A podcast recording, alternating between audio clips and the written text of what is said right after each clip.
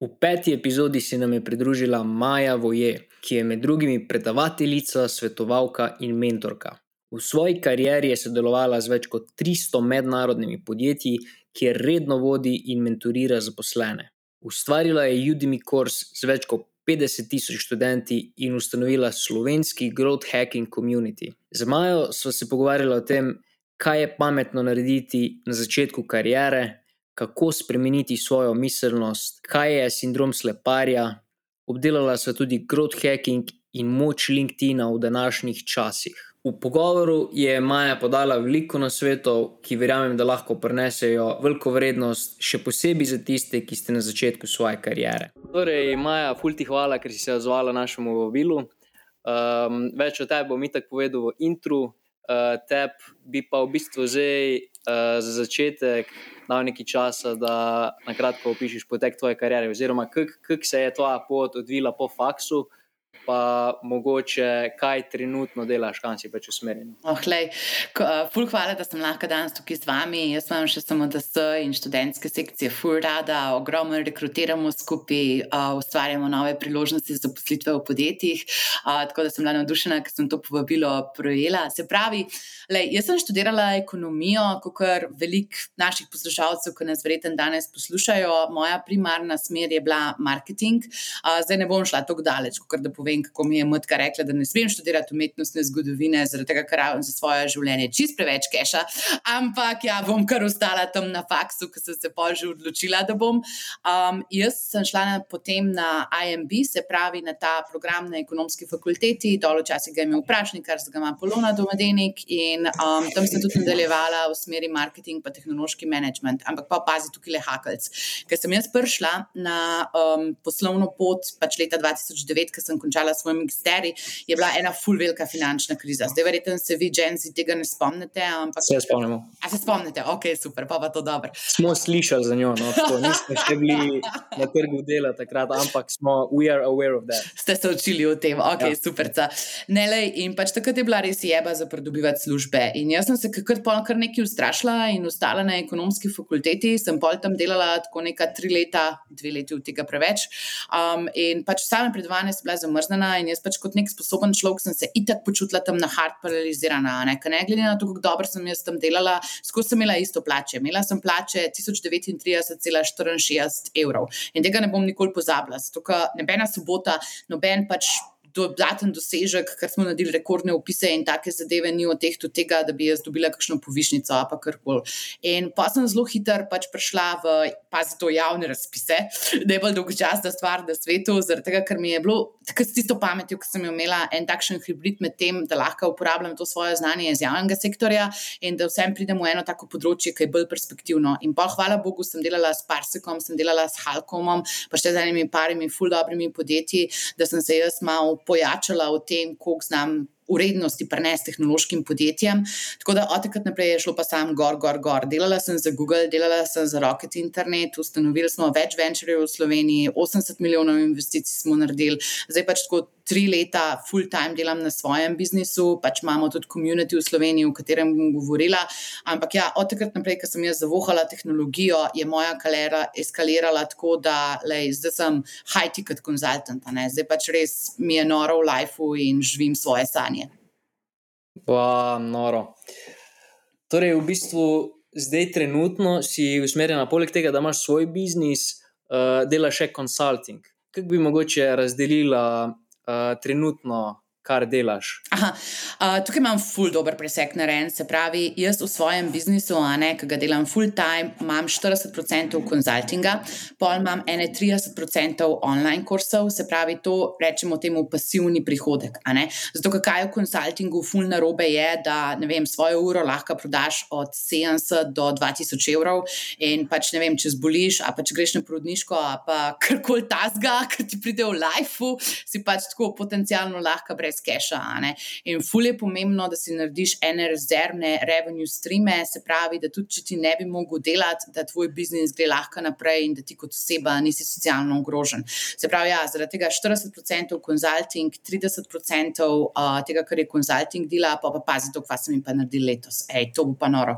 Um, jaz zdaj 20% svojega prihodka dobim od rekrutiranja, ki ga nikoli v lifeu nisem hotel delati. Pač to le, je bilo meni tako gadno. Pač tako tisto, jaz sem to dobesedno napisala ljudem, pač, kot sem rekel, če lahko delam recruiting z njimi, to je human trafficking. Jaz ne delam human traffickinga.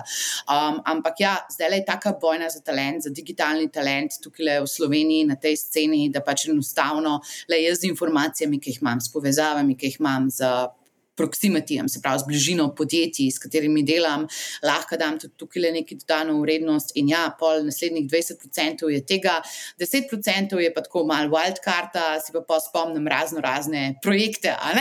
Naprimer, zdaj le bom naredila eno kohorto, ki se bomo kar uživo učili, pol včasih ne vem, mi uleti kakšen čist. Del. Pa ne bom rekla temu neumna stvar. Meni so to stvari, ki me v bistvu full drivajo, ki me full inspirirajo v življenju. Zdaj le na eni osnovni šoli učim podjetništvo in take fore.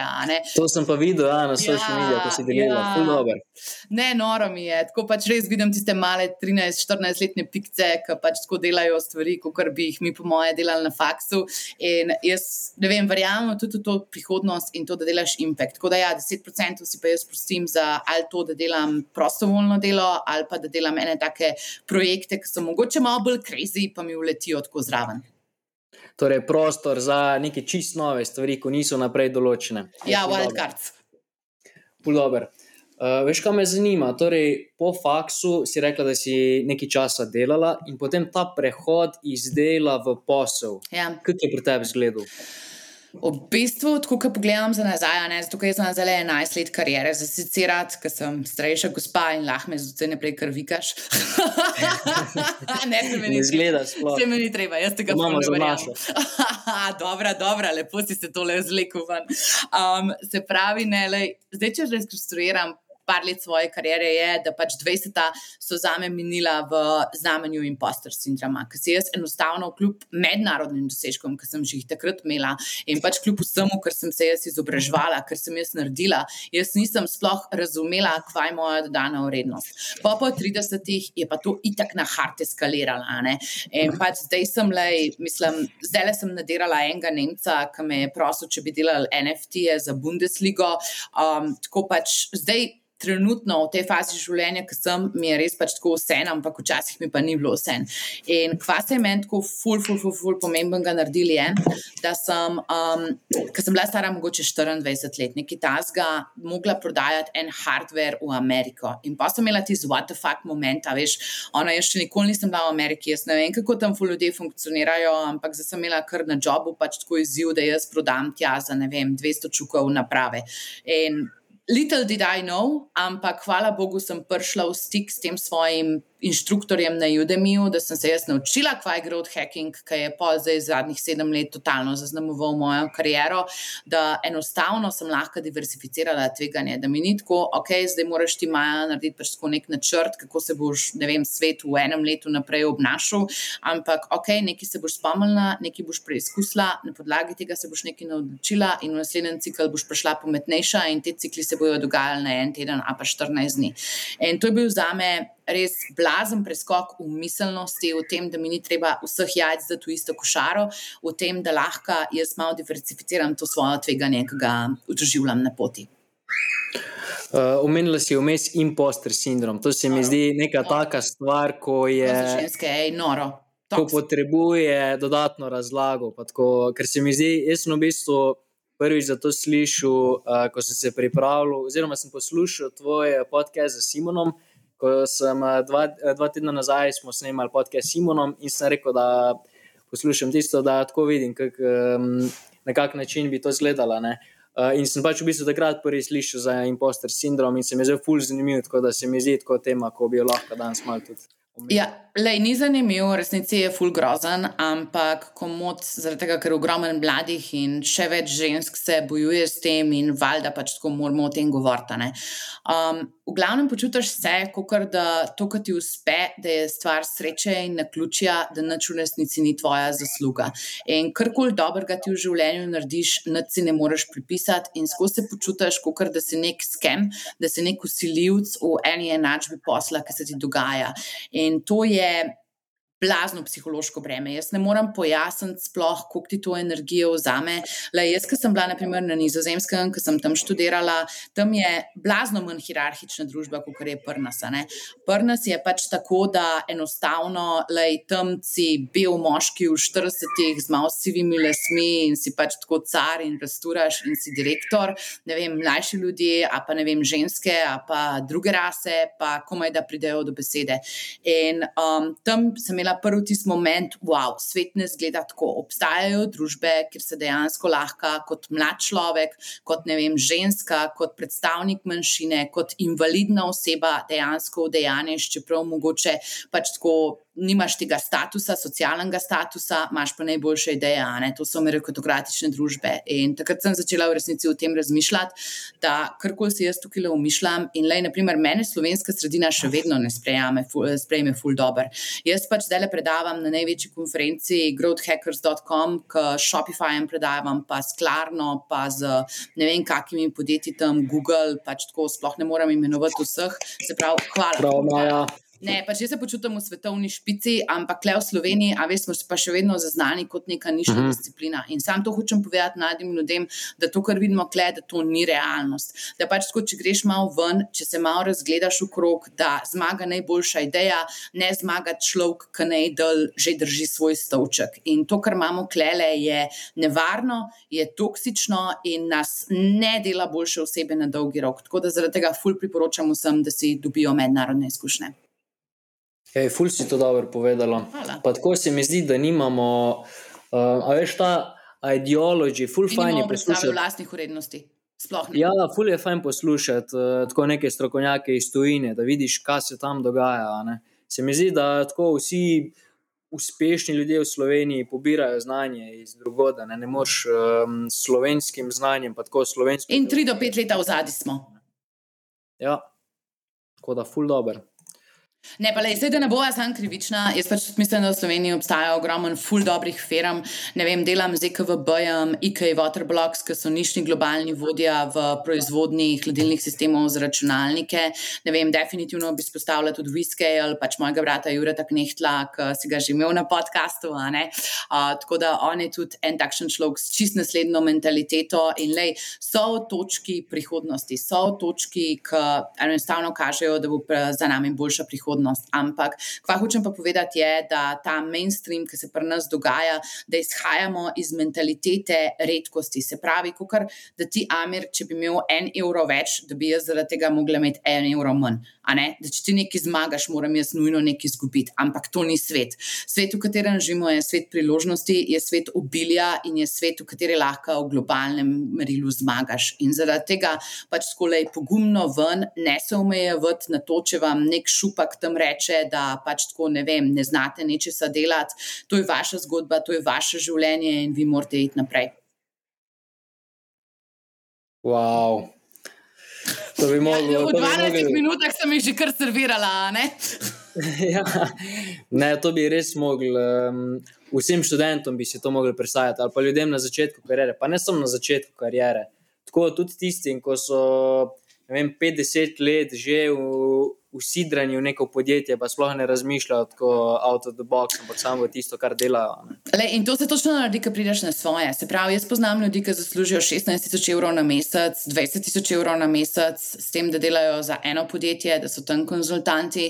In ne vem, pač tam le, če si na Jurija 200 na mesec, a pa ne vem kaj, pa ne vem, če si star po tem po 30 let, na 30 let, ki začneš razmišljati.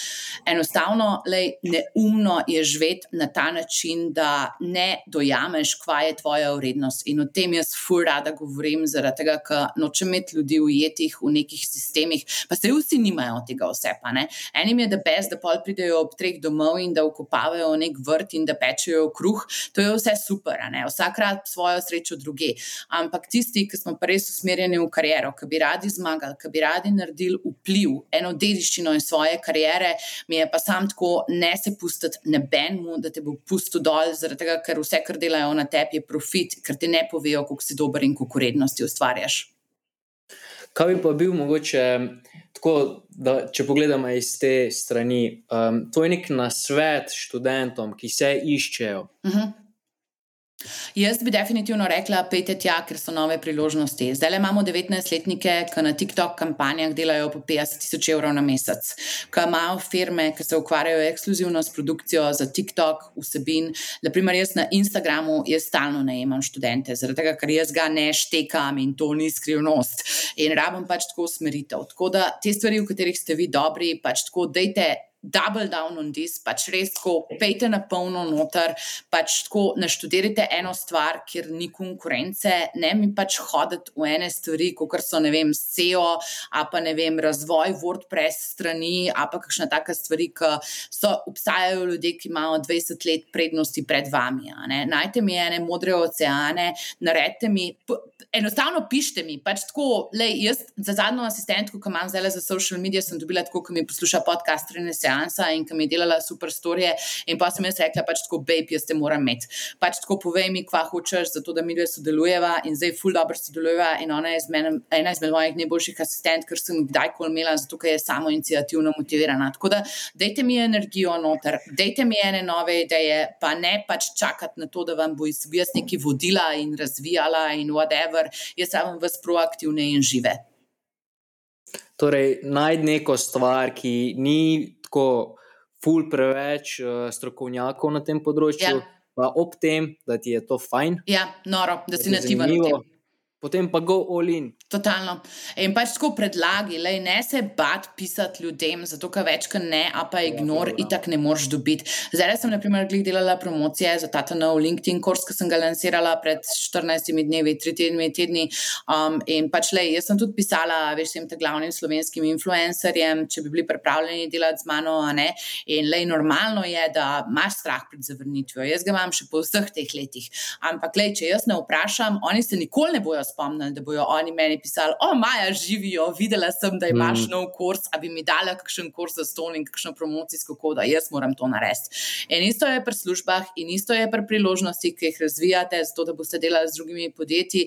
Pač, če vi ne boste vprašali, neben vas ne bo najdel, zato ker ste čarobno tam. Ja, to pa res, stari tričing avto. Totalno. In pač tako, le pokaži svojo vrednost, pač tako del te primere, ki si jih imel, dokumentiraj svoje potovanje. Pač tako stvari, ki jih imate vi. Lej, jaz sem v osnovni šoli učila in od vem, 20 ekip, ki sem jih imela tam, mi je pet dizajniralo logo. Jaz sem sam rekla, ta mački, ono, pač to, kar ste zdaj le vi naredili, bi jaz na trgu plačala 300 do 600 evrov. Sam tukaj, da veste, kva ste vi zdaj le naredili.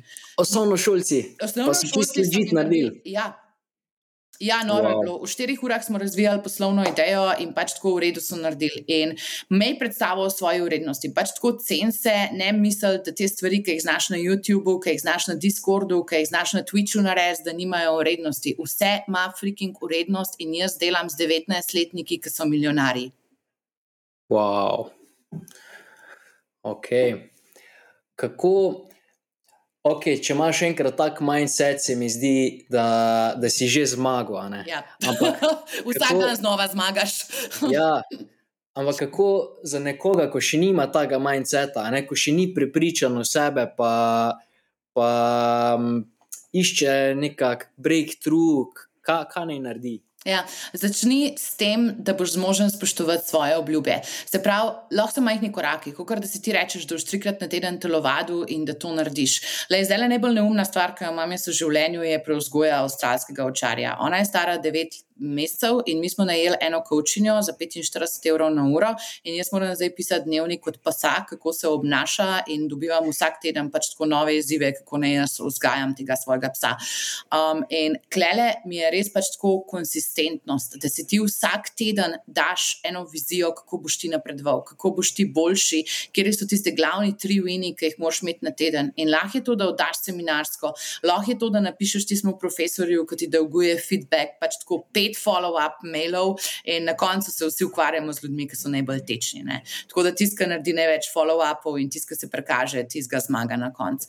In pač enostavno, da zaupaš, da stvari, ki se jih daš za cilj, da jih lahko narediš. Lahko začneš z nečim full majhnim, kot je ne vem, da treniraš psa, da vzgajaš rastlino, da nekaj telovadiš, to je popolnoma vse v redu, da si zaupaš, da lahko greš na naslednjo raven. Kar se pa tiče naslednjih stvari, pa le ena stvar je, ki jo full podcenjujemo v naši družbi in to je hvaležnost. Naprimer, danes, ko se mi da pogovarjamo na podkastu, jaz sem prepričana, da bo manj kot pet ljudi meni pisali na LinkedIn-u, da so poslušali podcast in da jim bila ta osebina všeč. Ampak tisti, ki mi pa bojo pisali in pa jaz lahko zrihtam službo, lahko smo pač naslednje tri leta full friendly in bomo čez tri leta poslovno sodelovali. Pač tako vse je v teh majhnih dejanjih, ki se na dolgi rok full seštevajo. In vsaka stvar, ki se ti naredi v življenju, probi si najti nek smisel od tega. Ne? Kva lahko narediš danes, da sem boljša verzija svojega sebe? Lahko daš, ne vem, story, da ti je bil všeč ta podcast, ma, uh, marketing frekvenca lahko daš, ne vem, meni, a pa Amirju LinkedIn request, lahko si napišeš tri cilje, ki jih boš naredil naslednji teden. Pač tako, vse je možno, sam začni, začni danes, mm. začni zdaj. Ja, torej. Vsak dan, vsako minuto, vsako sekundo. Vsako dan, v vsakem pogledu. ja, ja, ja, to ja. je to. Mislim, ja, all the time. Ne le vse, in pa sam izkaz svojo hvaležnost, sam izkaz občudovanje. Lej, jaz sem prišla do najboljših kontaktov v Ameriki s tem, da sem jim pač rekla: Bila sem na vašem webinarju, full stecari, to pa to sem se naučila, da sem pač tako delila screenshot od tega, pa pač tako povedala, kako mi je bilo dobro tam. Pač bodite proaktivni, ne biti pasivni, ne mi spad klele, pač tako razmišljite, kako lahko vi dodajate vrednost ljudem. Ko se spomnimo, kako sem jaz najdla to novo asistentko za družbena omrežja, ona mi je delila story za podcast Renesansa, ful velikrat, ful lepo.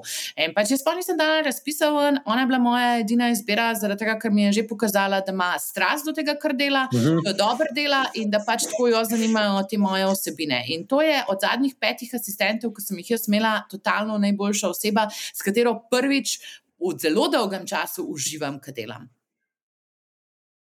Ful dobr. Že tukaj enega velju, ja, da. Lahko nekaj vas ne bo.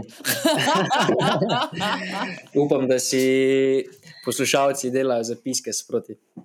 Ja, lej, to pa, kar staro gospe spustiš pod mikrofon, veš, pa, Aj, ja, ne. pa, pa ne moramo utihniti.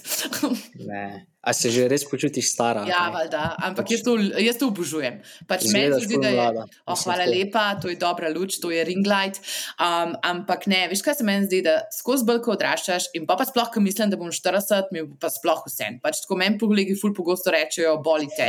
Ja, boli me, zaradi tega, ker sem v lifeu naredila že toliko stvari in pač, ker enostavno, le jaz ne bom nebeno več posila, da mi serije po glavi. In vse sem spoštljiva oseba, se sem ful človekoljubna oseba, pač tako res ogromno naredim za komunity, kot se bomo danes tudi pogovarjali, ogromno naredim za mlade ljudi, ampak to ne pomeni, da si bom zdaj spustila, da mi nekdo mori ure in ure z nekimi svojimi frflerijami, ki se mi ne zdijo smiselne. Pač tako ful sem se naučila reči ne.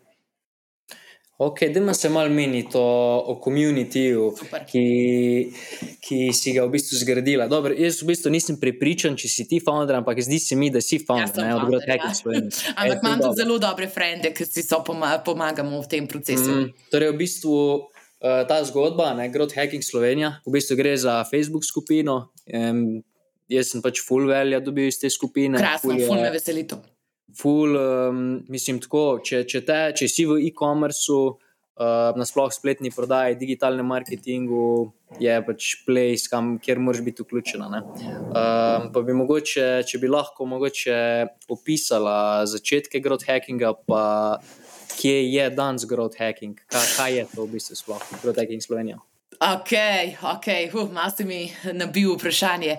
Ampak ja. dobro, lej, vse se je začelo davnega leta 2017, um, ko smo mi dva s Simonom bila na najbolj tragičnem zaposlitvenem razgovoru na svetu. On je bil takrat CTO, Simon Belak, to je tudi gost, lahko linkaš pod epizodo v vašem podkastu. Tudi. Se pravi, on je bil takrat CTO od GoOptja in on je iskal neko vodjo rasti. Ne? In on je takrat že vedel, da jaz v enih drugih startupih to delam in me je povabil, da imamo razgovor. En razgovor razgovor se je zaključil tako le. Jaz grem na nizozemsko študirati čez dva tedna, on je pa rekel, ja, ok, mi imamo pa na nizozemskem sedež. Ampak od takrat naprej smo mi dva pač končala v enih takih ful dobrih odnosih in zadnje štiri leta, le naša vizija je, da delamo prihodnost digitalne Slovenije. Pa zdaj ne tako, kot je en čez javni razpis, ampak pač da enostavno se konkretno ukvarjamo z ljudmi, z njihovimi vprašanji. Mi naredimo, po moje, mesečno vsaj 20 ur mentorskih klicev, pač vsem se ukvarjamo, mi tape delamo, strukturiramo, delimo znanje znanje. Zakaj? Zaradi tega, ker mi pač tako verjamemo, da se moramo povezati interdisciplinarno. In klej je pa problem slovenskega kampusa. Um, če študiraš v Ameriki, a pa če študiraš na Nizozemskem, boš poznal ljudi iz tehničnih fakultet, ne samo pravnikov, s katerimi imaš skupaj žure, kjerkoli že imate zdaj žure. Um, pač tako imaš eno tako zelo bogato mrežo. V Sloveniji se to naredi zaradi tega, ker so faksi zelo distrocirani in mi pač nimamo dobrih mrež. Zaradi tega mi je growth hacking full všeč, ker združuje programe programerje, UX-erje oziroma dizajnerje, marketingaše in pač še marsikaj, ne? tudi podjetnike, pa pač vse, ki si to želijo.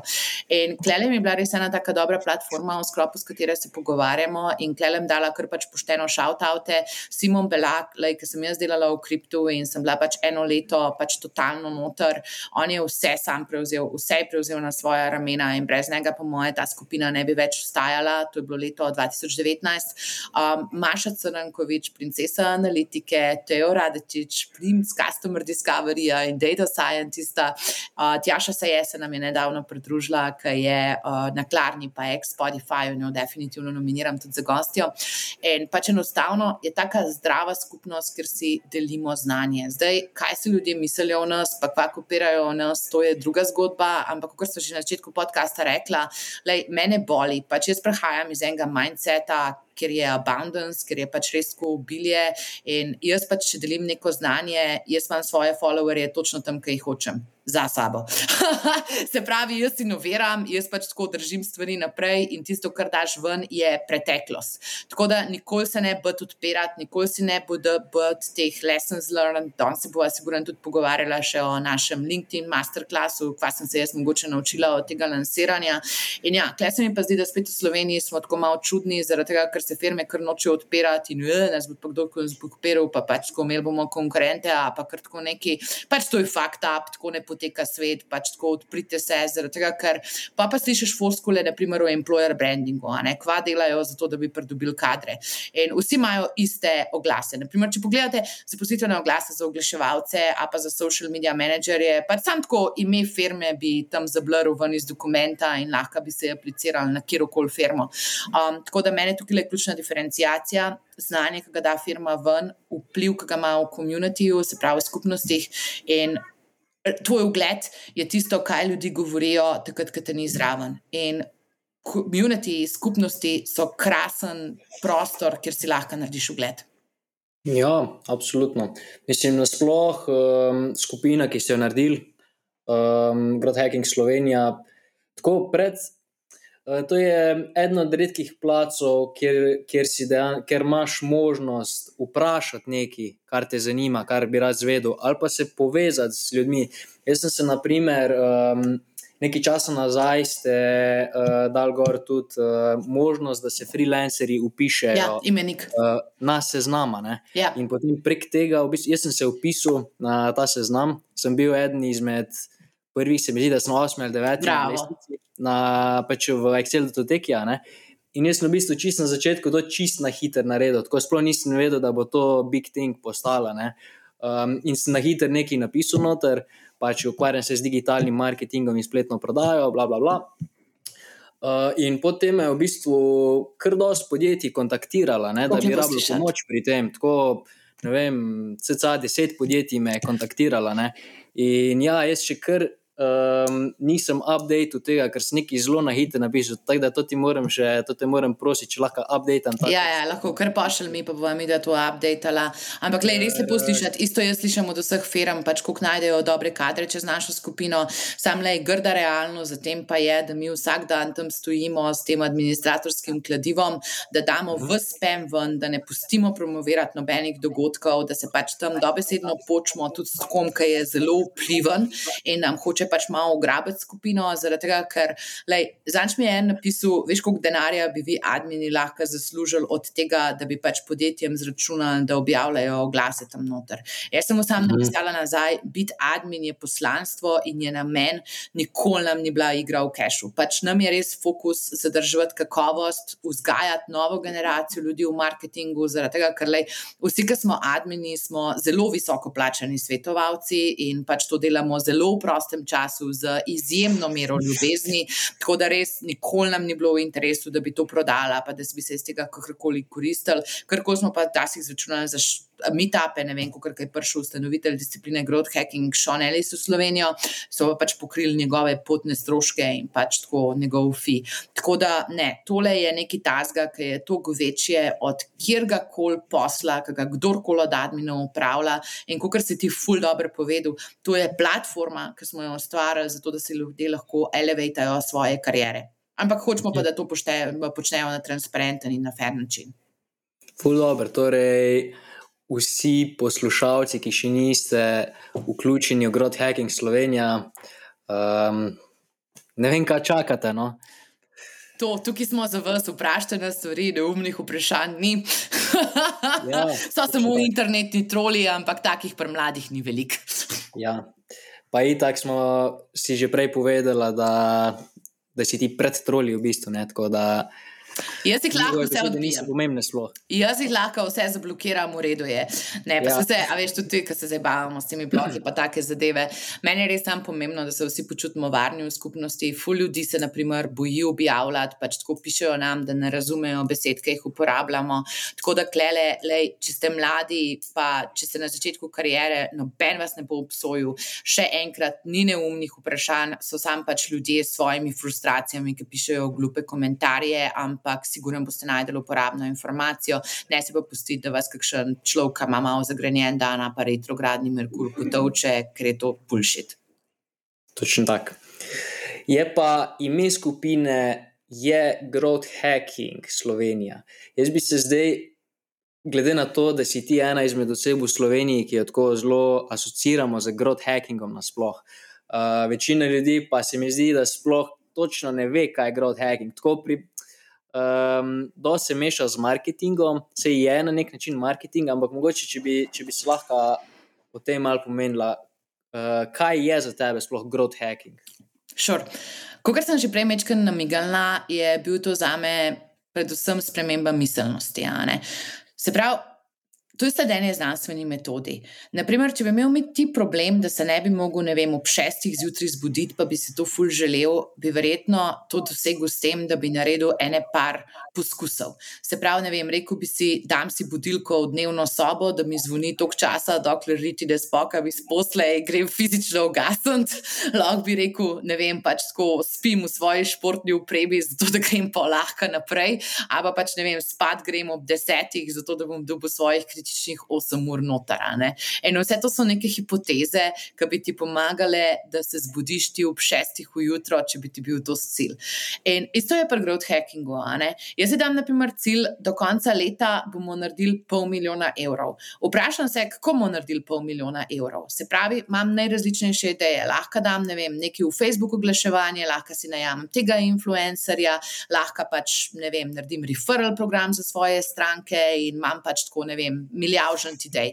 Ampak ker vem, da pa nimam toliko resursov, toliko časa in toliko denarja, da bi vse naredila, si pa pa stvari prioritiziram. Se pravi, če jaz delam z influencerji, jaz vem približno, kakšen rezultat bom dobila, zaradi tega bo to verjetno hitrejše realizirano, kot kar nek referral program, ki ga nisem še nikoli delala in nimam pojma, kakšne rezultate mi bo prinesel in se glede tega počutim precej negotova. Ne? Se pravi, iščem ne big wins, ampak quick wins. iščem tako dobesedno prioritizacijo med tem, kaj ima nek vpliv na posel in koliko je neki težko narediti. In hočem stvari, ki mhm. imajo velik vpliv na posel in niso težke oziroma drage za narediti. To so prve stvari, na katere se bom osredotočila.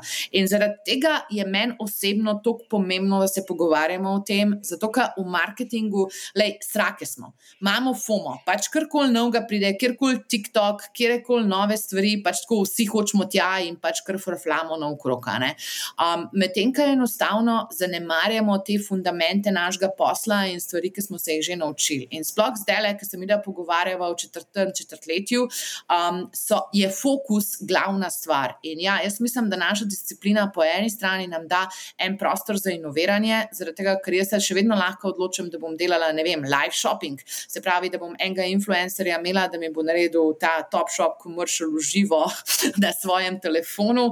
Pa pač tako rečem, da je pa gaj, to je ena taka stvar, ki sem se jo pripravljena naučiti, pa probat, pa riskirati, ne vem. 8 ur noter in pač 1000 evrov v promocijo, da bom to naredila. Ampak ta baza, ki ste se prej pogovarjala, se pravi, imaš cilj, kako lahko ta cilj dosežeš, in prioritizacija, kje stvari te bojo nevrjetno ponesle do tja, je pa hrbtenica tega, kar mi počnemo. Elej, marketing, pa growth hacking, meni so to umetne delitve. Mene biznis to pač imaš cilj, kako boš prišel do njega. Mene boli, kera poslovna funkcija to dela, se upravičujem izrazu. Hm, a, a so podjetja seznanjena z growth hackingom? Uh, tako, a, je, a je growth hacking nekaj, kar um, še ni tako razširjeno v Sloveniji, pa, pa bi podjetja, podjetjem to zelo prav prišlo? Torej, a so kakšne. Um, kakšni načini dela, ki, ki, ki jih growth hacking uh, pač obsega, in podjetja niso seznanjeni s tem. Le, 95% ljudi uh, ne pozna, da ta disciplina obstaja. Meni pač uh mhm. -huh. Slovenija tudi nikoli ni bilo neko igrišče, na katerem bi se želela ustvariti. Pač jaz sem zdaj delala z eno nemško Big Pharma, mi je bilo full dobro, ne vem, z Metrotom sem že delala, s Portradarjem, pač tako s full mednarodnimi podjetji. In jaz se pač nočem pogovarjati z nekimi marinkami tukaj in razlagati, kva growth marketing je, um, ki pač enostavno le pač druge dobim dosti lažji in dosti večji posel. Tako da jaz pač svoje poslanstvo v smislu sveščanja v disciplini vršim čez Growth Hacking Slovenija. Kdorkoli se tukaj izobražuje, kdorkoli se s tem istoveti, mi je to super in ful podpiram to. Pač na Judem imam tečaj, ki ga je naredilo že 51 tisoč ljudi. Tako da wow. ta osnovna znanja sem jaz predala naprej. Zdaj pa, da se bom pa jaz pogajala, ne vem, s Tomaži, Marinkami in Majdami o tem, če je marketing growth growth hacking in če je to legalno, to mi pa ni, no, to so pa niso glih tiste mhm. bitke, ki bi jih jaz v življenju rada izbirala. Ampak sploh na začetku se mi pa zdi ful pomembno, je eksperimentalen pristop je znanstvena metoda. Od 19. stoletja smo rekli, da je to boljš kot religija, zaradi tega, ker lahko pač tako stvari se ponavljajo in pridemo vsak cikl boljši, bolj informirani. Tako da, če nič drugega, pa mene, agen, boli, če rečete temu growth hacking, če rečete agile marketing, če rečete temu eksperimentacijski program. Beseda je meni tukaj relevantna, dokler se obnašamo racionalno in delamo boljši GDP kot gospodarstvo. Pač mene na koncu zanima, če bo Slovenija naredila pet naslednjih samorogov in če bo pač mladi ljudje prišli delati v spodoben digital place, ali bomo pač vsi delali v nekih agencijah za 800 evrov na mesec. To ne bi želela. to mislim, da noben ne bi želel. Ne, ne to, to, ni, to ni. Jaz hočem pač podjetja, ki ustvarjajo dodano vrednost, pa pač kako polnomočijo kadre, pa jih delajo boljše. Um, jaz sem zelo, zelo, zelo proti in tudi zelo vokalna proti izkoriščanju mladih ljudi. A se tist, ta uh, postopek, kako se lotevaš težko, ko si ga opisala, um, a je to uh, to je redna praksa, ki se v bistvu lotevaš. Vse. Vse, vsega življenja se jaz to klotevam. Zdaj smo imeli z asistentkami brainstorming za LinkedIn kursa. Um, in pač tako, le, jaz sem rekla, naprimer, v oktobru je cilj, da prodamo naslednjih 100 enot LinkedIn kursa, kako bomo prišli do tja. In smo se pač spomnili, ne vem, delala boš z Instagram influencerji, poslala boš tistim, ki so se registrirali, pa še niso kupili e-mail. Potem torej vse napisati. Ne boš ask me anything. In pa smo si izbrali teh deset ključnih aktivnosti, ki jih moram jaz narediti v oktobru, zato da bom ta cilj ne najbolj verjetno dosegla. In to je tako logično. A ni to tako logično? To je tako kristalno logično, da meni tako pač, ker res stola meče, zakaj vsi ljudje na svetu tega ne delajo. Mm, nice. Torej, vse, kar ti pade na pamet, spisa dol, Ja. uh, točkovati, Ja. koliko je to v bistvu, koliko ti prinese to, potem še težavnost in potem v bistvu matematično razporediti, kaj, kaj, se, kaj je najbolj logično, da prvo narediš in potem se sam loti tega. To je to. To je to. In tako bi jaz bi vsak eh, izziv, ki ga imam v lifeu, reševala na takšen način. Zato, Mhm. ker mi je to res ena taka metoda, ki ti pomaga filtrirati neuspehe stran ven. No? Mislim pač to, da trošiš energijo in čas in denar na nekih stvareh, ki enostavno si jih izmisliš, da jih moraš delati. Jaz totalno verjamem v fokus, pa v konzervacijo energije. Mogoče zato, ker sem malo len človek, čeprav delam od petih zjutraj do desetih zvečer, ampak jaz še vedno mislim, da sem malo len človek. Hmm, to pa mogoče se vrnemo nazaj na tisti sindrom, ko smo se prej o njemu pogovarjali. Ne, ne, ne, ne. le na prijeten je. način. Se pravi, jaz iščem prostor za inovacije, za izboljšave. Mhm. Jaz se nočem sprijazniti s tem, da bom jaz nekaj ročno opisovala v programe. Pač je mene skozi skrbi, kje je naslednja izboljšava. Jaz hočem skozi optimizirati stvari, zato ker se mi pač določenih teskov ne da delati in s tem blazno težim. Tako, če bi delal z mano, bi vedel, koliko sem jaz pač tako proti ročnemu delu in koliko se mi zdi pač neumno, da kakršno koli stvar ponoviš dvakrat. Jaz pač to posnamem in vem, da to doseže pa 100 tavžant ljudi. Mm, nice. um, Dajmo se zdaj malo pogovarjati, ko vem, da si full, um, v bistvu časa svojega namenila, pa tudi full izkušenj imaš z delanjem kursov. Torej, Ja. Začela si uh, na Udemyju, si Pet let nazaj. posnela- Koliko? Pet let nazaj. Pet let nazaj. Ja. Kurs o, o growth hackingu, ki si rekla, da ima. Mislim, koliko 51 ljudi? tisoč študentov. A, si nor. Pa medtem so ga delali te, uh, Tesla, Adidas, Booking.com, uh, Lips ga je delal, pač tako naš portfelj je bolan. No. Jaz se pač tako včasih podjetju so malo torej. uščipati, pač tako, kaj vse je delalo na naš kurs. Ja. Wow, noro. Prefukljeno Um, je. Jaz sploh ne vem, kako se je to naredilo. Ne vem, Kako si IBM, pa- Nestle, sploh ne morem naštevati. Dej, dej prekin me, ker drugače bom tukaj le ne jim dropala. Kako si prišla sploh do tega, da, da si se spomnila, da bi naredila kurs? Lej, jaz sem pač sama vzela ta kurs nazaj. Na tisti točki življenja, ki sem jo prej že opisala, se pravi, takrat, ko sem mogla vem, za 200 kosov te um, ame, naprave v Ameriko poslati. In takrat pač tako sem iskala rešitve na internetu. In pač normalno sem šla na Udemy, zaradi tega, ker so tako poceni kursi. Zato, ker tam pač za 10 euriča, Oj, za 10. 15 euriča dobiš pač tako eno stvar, ki traja. 8 ur in jaz pač ja, dobesedno potencialno mislim, da ti lahko spremeni življenje. Meni ga je. Um, in ja, pač takrat sem se en vikend usedla dol, čisto prebinžala in pa po mojem inštruktorju napisala takšen mail, tako pač dve strani o tem, kva mislim, da je v kursu zastarelo, kaj mi je bilo všeč in kako je meni to pomagalo. In čez 14 dni sem mu še poslala, zdaj sem pa jaz to aplicirala, take rezultate sem zdaj tukaj dobila, to so še moja dodatna vprašanja. Se pravi, spet sem bila tečna. Uh, ampak pol je on mene naslednjo leto povabil, da jaz predavam z njim, zato ker sem imela že tudi določene take rezultate, pa sem v njih tudi dost pisala no, na LinkedIn-u. Um, in ostalo je zgodovina. No. Zdaj res peto leto delamo ta kurs, vsako leto ga prenovimo, ful, Mhm. ful, ful, ful, ful se skozi spreminja, se aktualizira stvar. Letos smo mogli naprimer popraviti vseh vse kontent z Google Analytico, zaradi tega, ker je prišla Google Analytica 4. Oglaševanje se nam je zlomilo letos, kot ste že z Juretom verjetno govorili o podkastu, a ne Jurek Nehtel podcast, ful priporočam. Um, se pravi, na nov način smo se mogli začeti stvari meriti, pa iskati alternativne marketinške kanale. Tako da ja, zaradi tega je meni tako dobro, veš, da učim in hkrati delam, zato ker ohranjam. Stik s stvarnostjo. Okay, jaz sem videla te naše prefokse na faksu, pač kako so bili zaspani in pač tako, jaz sem se dobesedno zabavala, oni ene ure niso preživeli v podjetju. Pač tako vice, da so pač neke učbenike tam absorbirali, ampak da niso bili v stiku s temi realnimi problemi, ki se nam dogajajo. In jaz pač mislim, da je prihodnost izobraževanja s tem, da si z eno nogo v praksi in z eno nogo pač tako predajaš to znanje v strukturirani obliki naprej. Definitivno ne verjamem, da nekdo, ki bere knjige, da je super obnova tega, kaj je 12 20 let staro. Hmm. Ja. Si pa v bistvu, torej, to je bil tvoj prvi kurs? Ja. Growth hacking. Uh, zdaj, letos, oziroma se mi zdi, da celo ta mesec, začetek meseca, Ja. si pa naredila nov kurs. Ja, vmes je še eden sicer, ga imam uh -huh. na growthhackers.com, to je največji, sloven, uh, največji globalni komunity za uh, growth hackerje, ima pol milijona članov, ustanovil ga je Sean Ellis, izumitelj discipline. Tako da tam imam Growth Hacking Ideation Workshop, um, sem prva slovenka, pač praktično, ki ima tam shop, letos tudi pač predavam uh, na tej konferenci. Tako da ja, mislim, jaz se konsideriram v svetovni špici svoje discipline zdaj, ker je mečkana disciplina, ampak jaz sem na to totalno ponosna.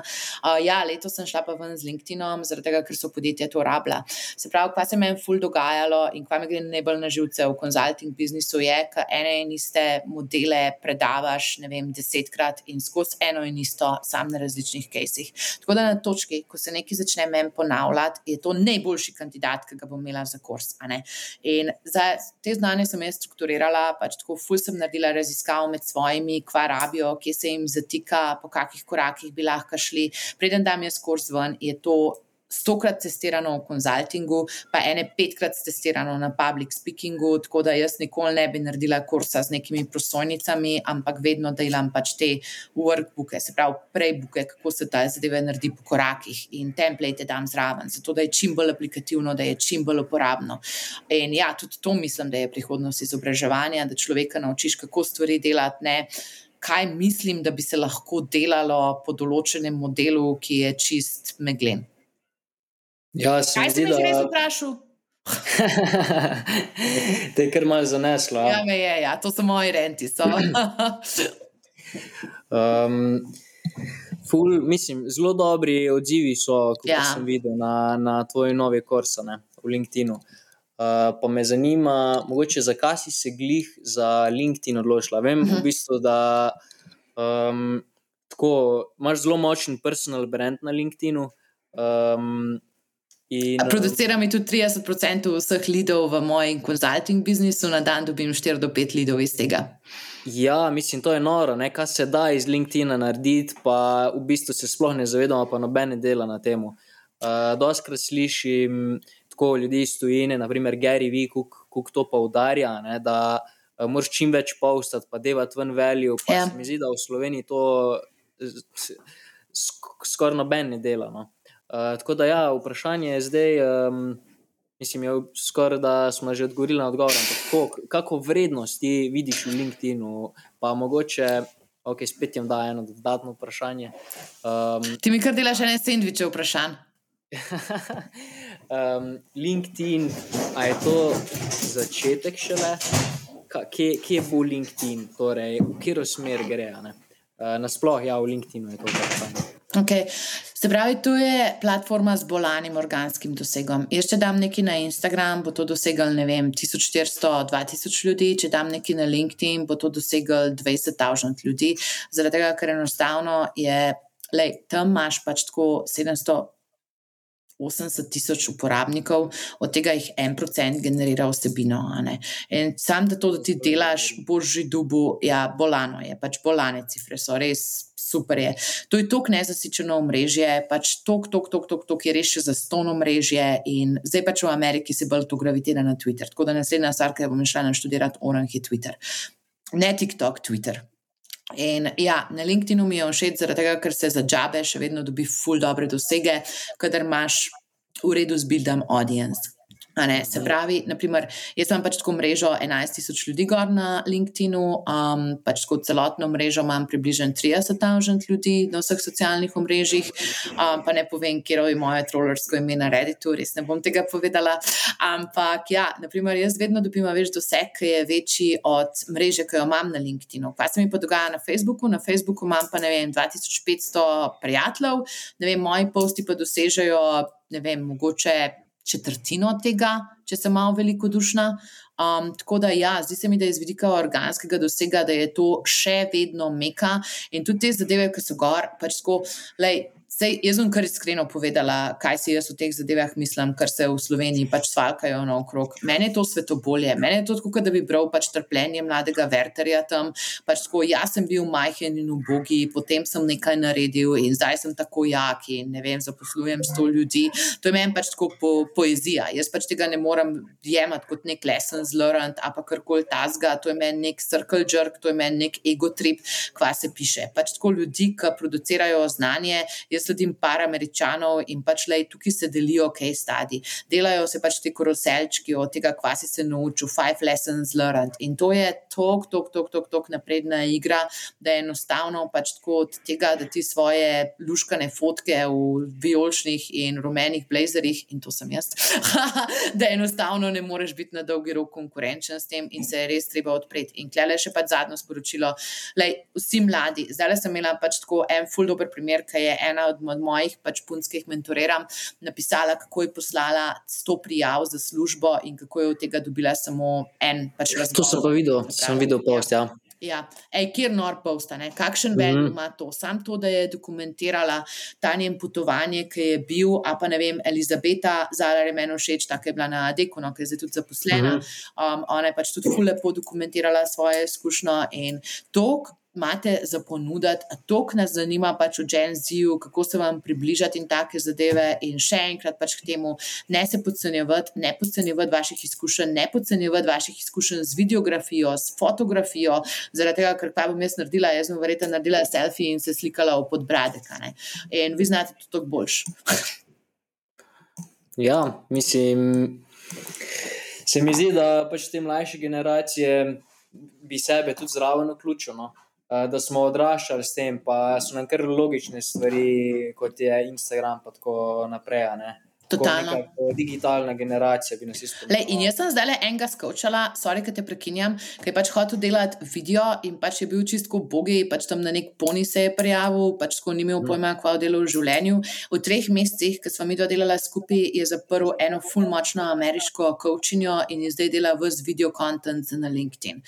In take zgodbe jaz hočem, da vi delate. Pač jaz hočem, da vi niste pač neki podplačani asistenti za nekih 500 euriča za full time na agenciji, brez kakršne koli socialne varnosti. Jaz hočem, da vi sijete in da znate pač iz svojega biznisa, iz tega, kar delate, narediti najboljš, kar se da. In tukaj ni vse od narju, zaradi tega, ker pač tako obstajajo firme, ki mogoče boste imeli 800, pa Jurija plače na začetku, ampak v dveh letih boste cari na svojem področju. Tako da tudi jaz sem imela kakšen nižje plačen job in včasih pač to gledaš kot investicijo v svoje kariere. Sam ne si pa pustiti, da vam kdorkoli ubije v glavo, da česa niste vredni. Kaj bi pa mogoče rekla, da bi bila neka optimalna pot za študenta, ki je končal uh, faks?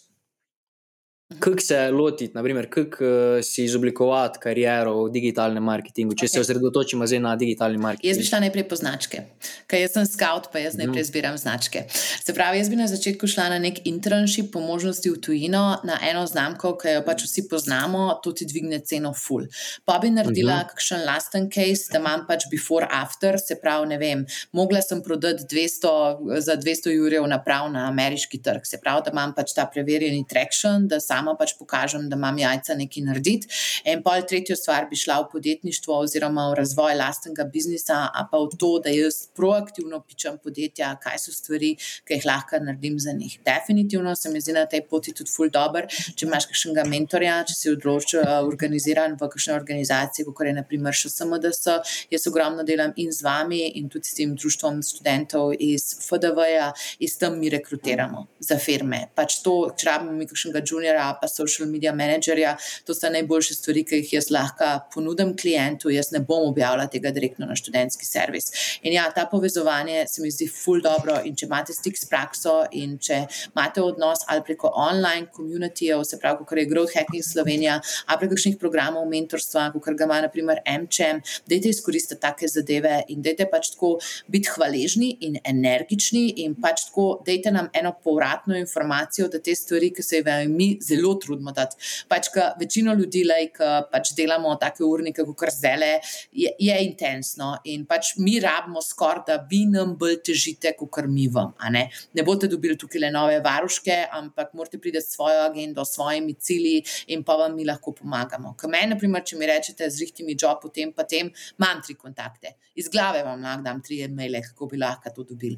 Ampak, če mi pa pridete živijo, jaz ne vem, kaj bi točno bi delal v življenju, te bom vprašala, ok, in kaj te zanima.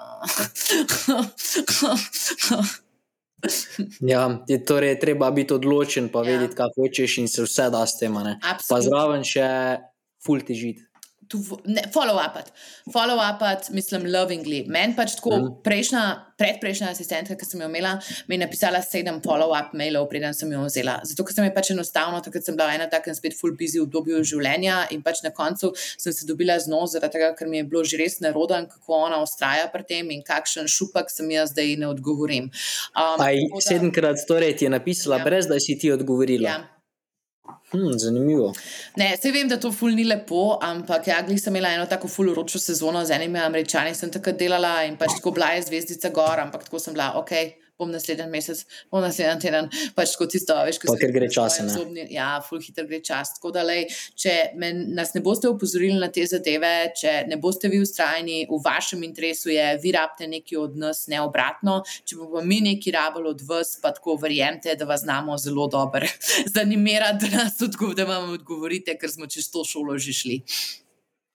Prej si omenila mentorje. Ja. Torej, da je zelo fajn imeti uh, nekega, nekoga, ki bi te v bistvu vodil čez to pot, še posebej na začetku, ne? mogoče tudi, mogoče tudi cel, cel čas. Uh, pa me zanima, um, kaj bi bil nek tvoj nasvet pri pridobitvi mentorja, kako se loti uh -huh. tega, v bistvu, kako sploh prideš v ta stik?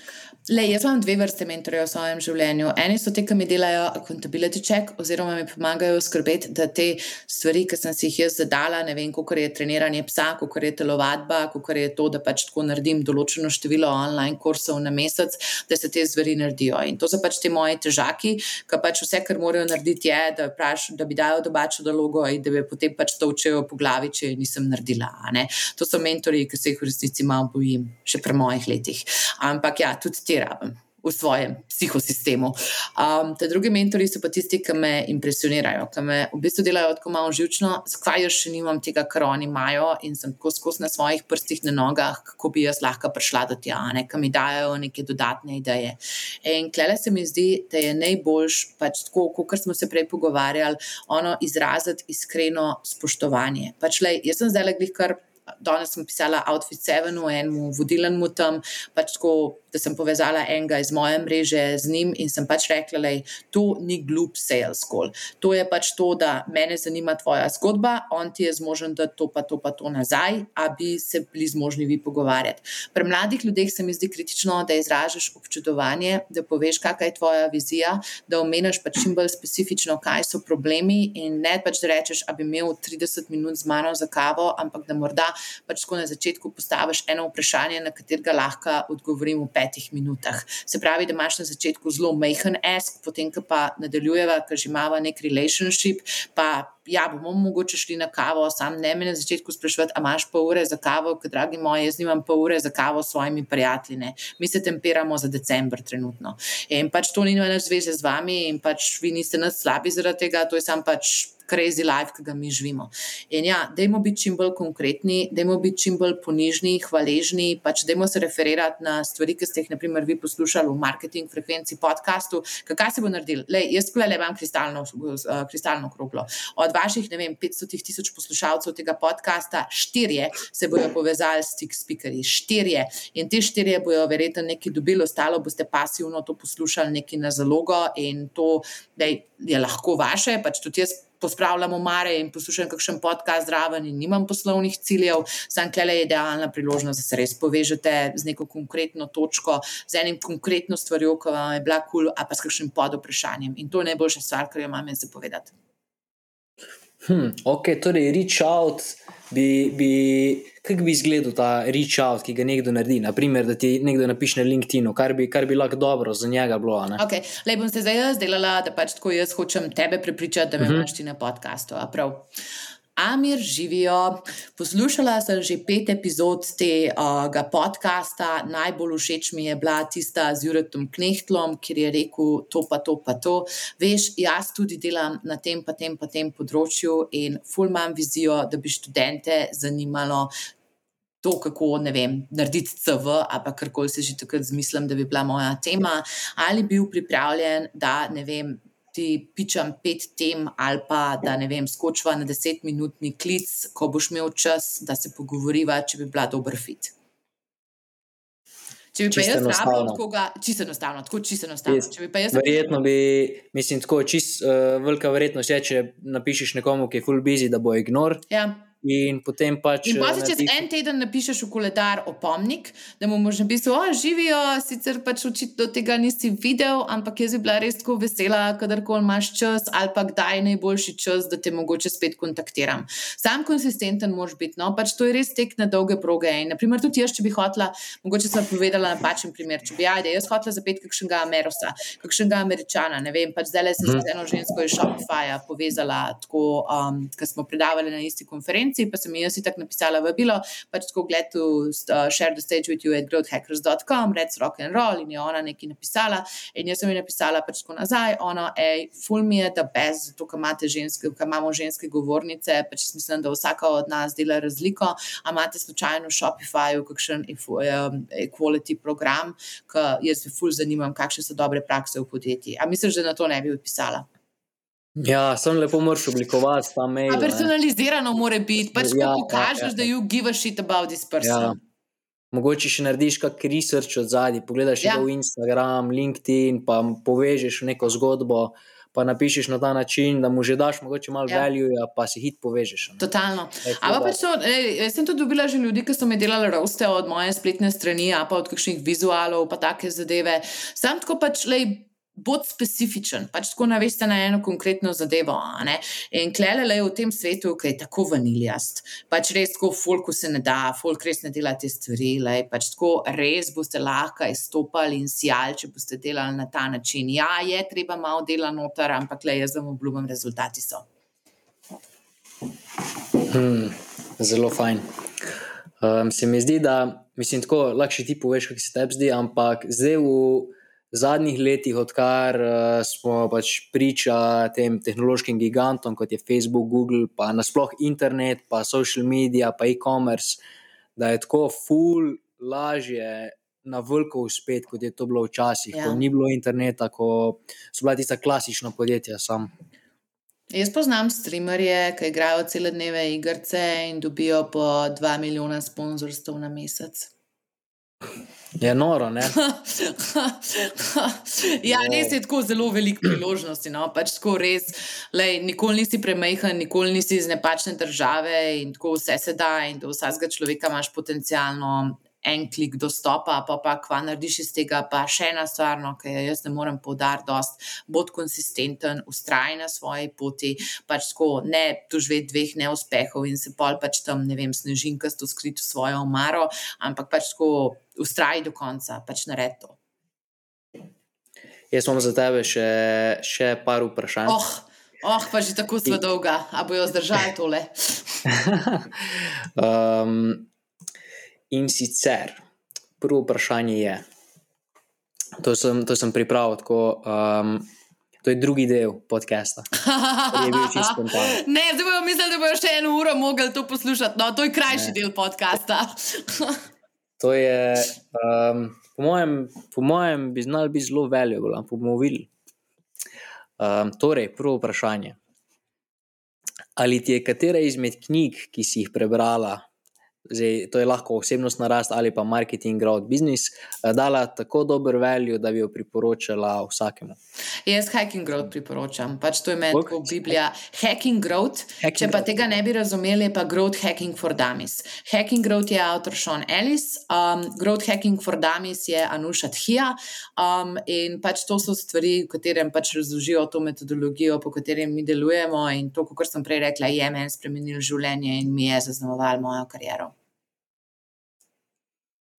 Mm, nice, to moram definitivno čekirati. Um, okay, a je biznis nekaj, kar si načrtovala že v svojih študentskih letih, ali se je to spontano odvilo, potem ko si že začela delati? Amir bizarno, jaz sem šla gledati v svoj tis Almanah iz srednje šole. Jaz sem napisala, pač pri 18 letih, jaz bom naredila magisterij iz ekonomije, imela bom svoje podjetje in ful bom potvala in ful se bom imela dober. Guess what? Torej, vizi- vizija je bila že dolgo nazaj postavljena.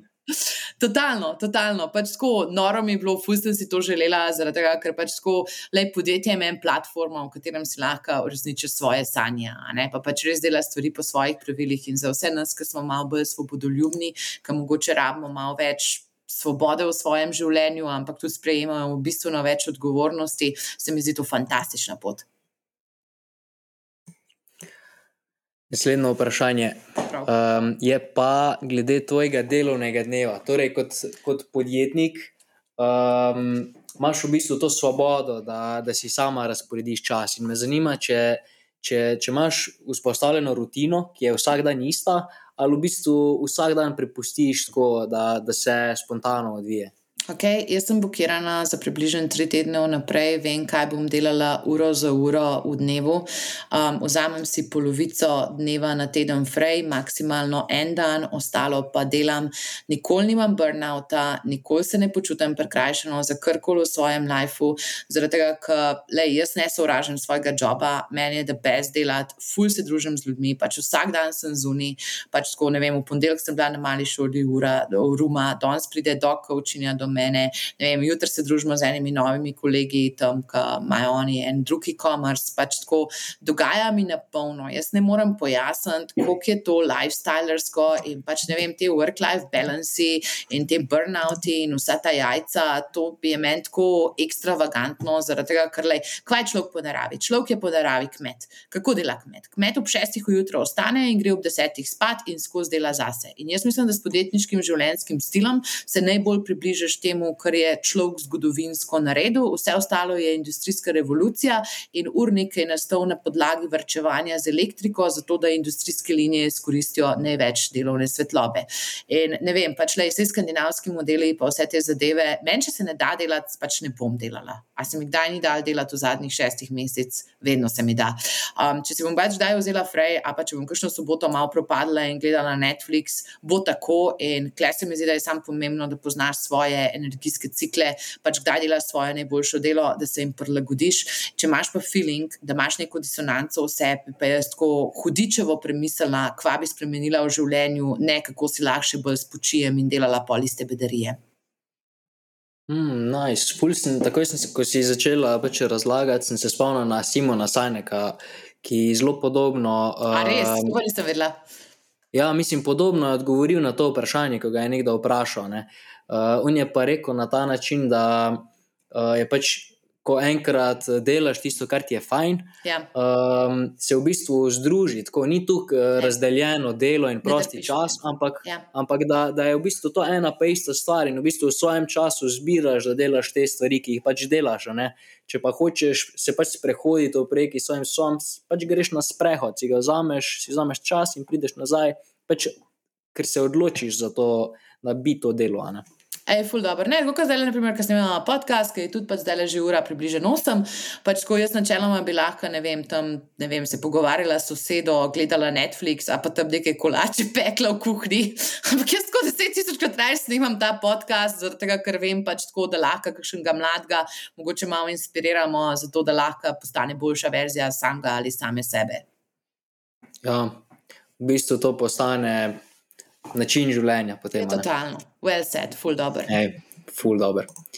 Zdaj pa, čisto za konec, bi te pa še vprašal, če obstaja um, kakšna serija, film, podcast, ki se ti zdi uh, top za inspiracijo ja. za mlade, ambiciozne ljudi, ki bi radi več takšnih pogovorov slišali in pač Totalno. nove ideje dobili. Reče se Everybody Hates Marketing od Luisa Granira. Je. Um, on je včasih delal v marketingu na, Hubs, um, na, sorry, na Hotjaru in pač jaz njega obožujem, zaradi tega, ker govori o positioningu, ker govori o tem, kako se pozicioniramo, kako ustvarjamo dodano vrednost. In jaz pač vsem svojim mentorirancem, ki jih je nekaj sto na leto, uh, dam to za poslušati, da kjerkoli epizoda, ki jim je všeč naslov, da naj si jo poslušajo, ampak da naj poslušajo vsaj 12 epizod od tega, dokler se jim ne bo začel tako ponavljati, da ne bojo mogli več poslušati tega. In ja, to je ena izmed najboljših resursov, ki jih imam jaz za priporočiti. Um, drugače pa v prostem času pa jaz gledam tako najneumnejše stvari, jaz gledam Rupert's Reckless, zdaj gledam pač tako Pridi Smart, gledam France, gledam pač totalne sitkome, razočarane gospodinje, stvari, ki mi dobesedno pražijo možgane, zaradi tega, ker jaz pač zadnja stvar, ki si pa želim v pol ure prostega časa, ki ga imam na teden delati, je pa še več zateženih tem za absorbirati. torej, čim bolj na off, možgane in tako čist, da se prepustiš. Tam, da, pač tako, ne, pač tako, le, a pa bi, da začne nekdo govoriti, kaj verjamejo Jehove priče, pač tako krkoli, sam zato, da se jaz malo odklopim od svoje realnosti. Pač tako, mm. Dark Dynasty lahko gledam, če je treba, kjerkoli reality show, ful mi bo dober. ja, ja, to pa ne. Maja, ful ti hvala da si se, da si. Ej, norm je bilo, ful mi je bilo dobro, ful hvala za pripravo, pa za ta vprašanja. Pa zdaj imamo pa še eno darilce, a ne neki bo poslušalcem Miklaš prinesel. ja, Um, povej, kam imaš za naše poslušalce? Ja, seveda, jaz imam pa 50% kodo za popust za najnovejši LinkedIn Masterclass, ki traja 6 ur in pol in je fenomenalno ocenjen. Pač tako, res vsi moji kolegi so ga naredili in iz Amerike, in iz Slovenije. Pač tako, ful, ful, ful, ful, dobro je šla ta prodaja. Ampak valjda študentom bi ga rada ponudila po najnižji ceni, kot je možno. Tako da 50% kodo za popust, frekvenca 50, ki jo bomo linkali pod podcastom. Če vam je zadeva zanimiva, če si pa pač slučajen, še tega ne bi mogli prvoščiti. Mi pa lahko tudi pišete, pa bomo našli kakšno novo rešitev. Zaradi tega, ker meni je za vas na začetku karijere ful pomembno, da na LinkedIn-u pač tako vzpostavite svoje primarne kontakte in da imate take profile, na katere boste ponosni, pa da začnete malo že z nami, a ne networkat, zato da vas imamo pol na radarju za tako hude službe. Ej, to je ful dobra priložnost za vse poslušalce. Tako da, Maja, hvala ti tudi za to. Super je. Uh, bomo v v opisu epizode tudi uh, napisali kodo. Ej, jaz sem tako excited, da čim več ljudi pride na ta naš vlak, ker je res dober kontent, pač nor kontent je. Tako da izkoristite to priložnost. Ej, krasno, ful, hvala in s tem se verjetno poslavljava. Jaz vam želim veliko sreče še naprej pri podkastu. Mislim, da ti bom nominirala še enih pet gostov, zdaj ka vem, zakaj se gre, pa na kakem nivoju yes. je kakovost. Tako da le srečno razturite, zmagite. Hvala, ker ste nas poslušali. 招招